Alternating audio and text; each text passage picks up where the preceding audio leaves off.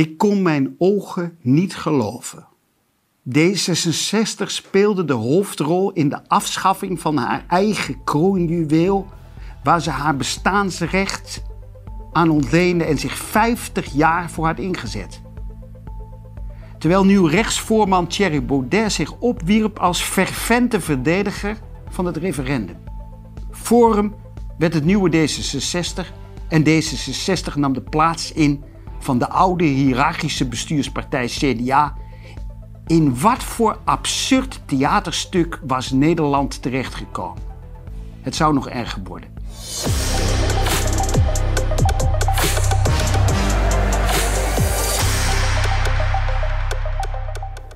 Aan de D66-leider, geachte mevrouw Kaag. Ik ben geboren en getogen in een D66-milieu. Modern, vrijzinnig liberaal en laissez-faire opgevoed. Mijn ouders waren van de generatie van Hans van Mierlo. Man-vrouw maatschappij, lid van het Humanistisch Verbond en open over seks. Mijn moeder werkte al als kinderopsycholoog en werd lid van het lokale D66-bestuur. Hoewel ik zelf kritischer en progressiever was dan de vrijzinnige middenklasse moraal van D66, had ik altijd een bepaalde sympathie en verwantschap met uw partij. D66 heeft in zijn ruim 50-jarige bestaan ook een paar belangrijke wapenfeiten geboekt.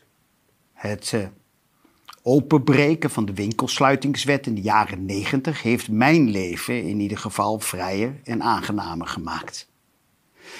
De steun voor de zelfstandige ZZP'er en MKB'er heb ik gewaardeerd.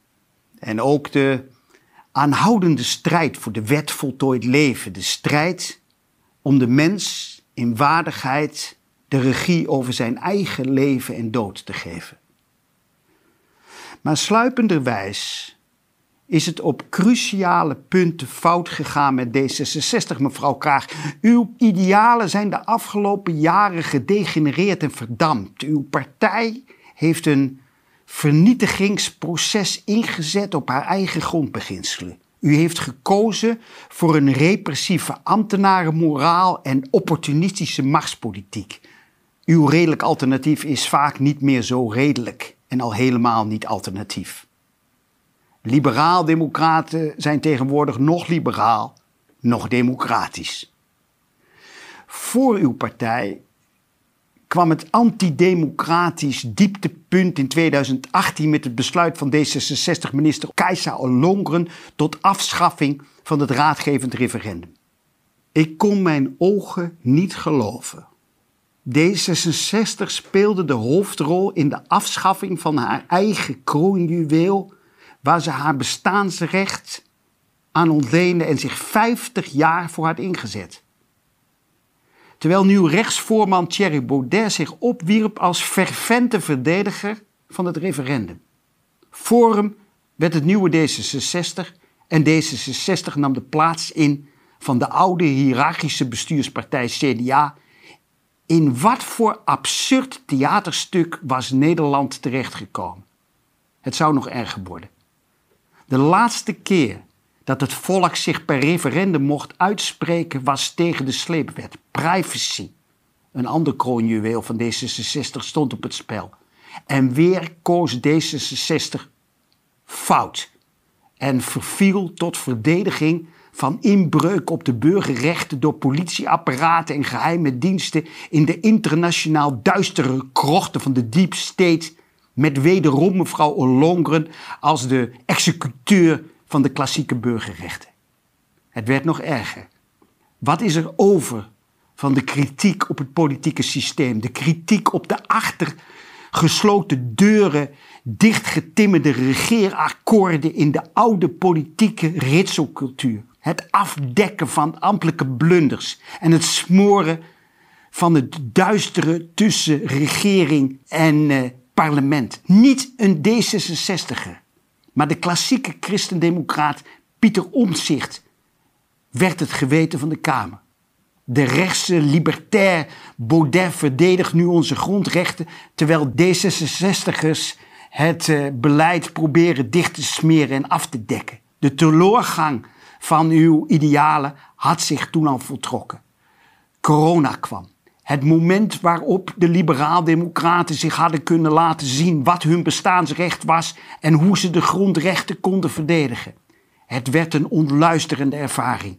U en de uwe wisten niet hoe snel ze en hoe angstig ze weg moesten duiken om van achter hun zoomschermen de instelling van een virologische dictatuur af te kondigen. Onder het motto: In naam van de democratie stellen we de virologische meritocratie in. Een gesloten deskundige club die de meest schaamteloze, absurde burgerrechteninperkingen mocht afkondigen. Kritische wetenschappers werden schaamteloos de mond gesnoerd en burgerrechtenactivisten geïntimideerd met gevangenisstraf. D66 ging van democratische basispartij naar de legitimatiemachine door een veiligheidsparanoia gedreven autocratische controlestaat. Wat is er liberaal aan de anderhalve meter regels? Wat is er liberaal aan een avondklok en een batterij van absurde, vernederende verbodsmaatregelen? Wat is er liberaal aan verkapte vaccinatieplicht en de instelling van een discriminerend vaccinatiepaspoort? Laat iedereen vrij, maar niemand vallen, durfde D66 als verkiezingsleus te voeren. Mevrouw Kaag, uw partij liet in coronatijd niemand vrij en discrimineerde met name vrijheidslievende groepen die men door intimiderende overheidsmaatregelen keihard liet vallen. En dan uw steun voor de oorlogshitsers. Wat moet ik denken van een debat waarin notabene de volgens u extreemrechtse PVV-leider Geert Wilders opkomt voor de sociale onderkant van burgers die hun energierekening niet meer kunnen betalen.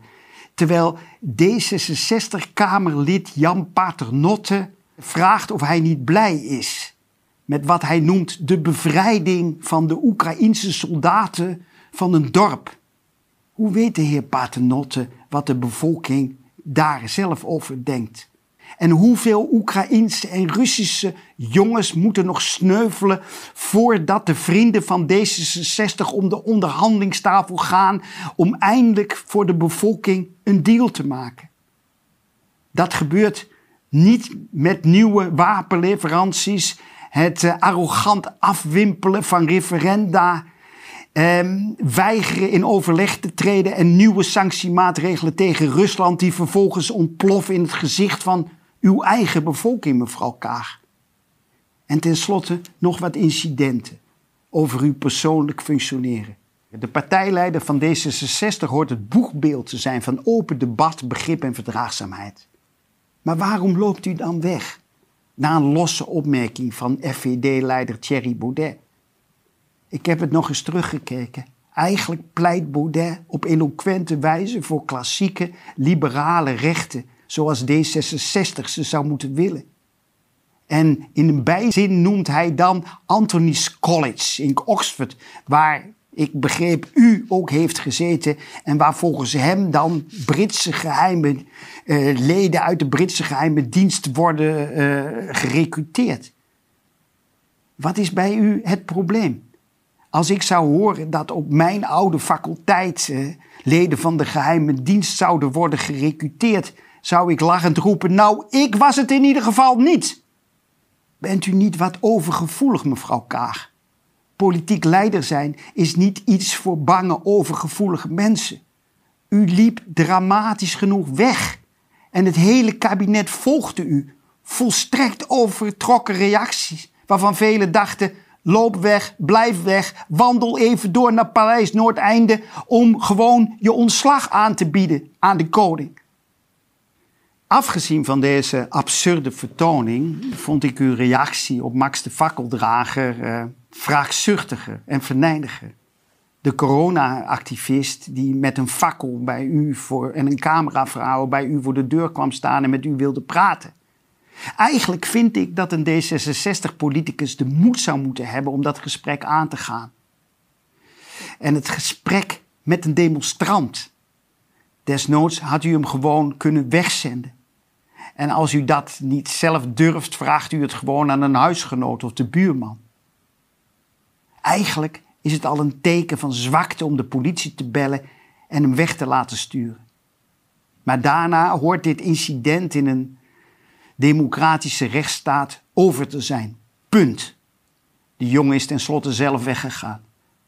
Maar voor u was dat niet genoeg. U ging aangifte doen. En wekte zoveel zelfmedelijden op dat de jonge man werd opgepakt en zes maanden in de cel werd gestopt. U heeft het leven van deze zachtmoedige en integere activist en de journalist ernaast bedreigd en getraumatiseerd. Ga me dan niet vertellen dat dit alleen een zaak van het OM is. U weet heel goed dat u een van de machtigste mensen in dit land bent en uw aangifte zeer zwaar weegt. Een samenleving waarin dit soort demonstratie-incidenten eindigen in zware gevangenisstraf is een uh, democratische rechtsstaat onwaardig. Dat is niet mijn samenleving en het zou niet uw samenleving moeten zijn.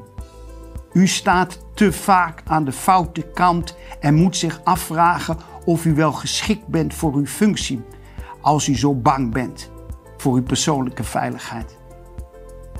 En tenslotte, de inflatie is ondertussen opgelopen tot een onvoorstelbare 17%. Nooit eerder vertoond in Nederland, een van de hoogste van Europa.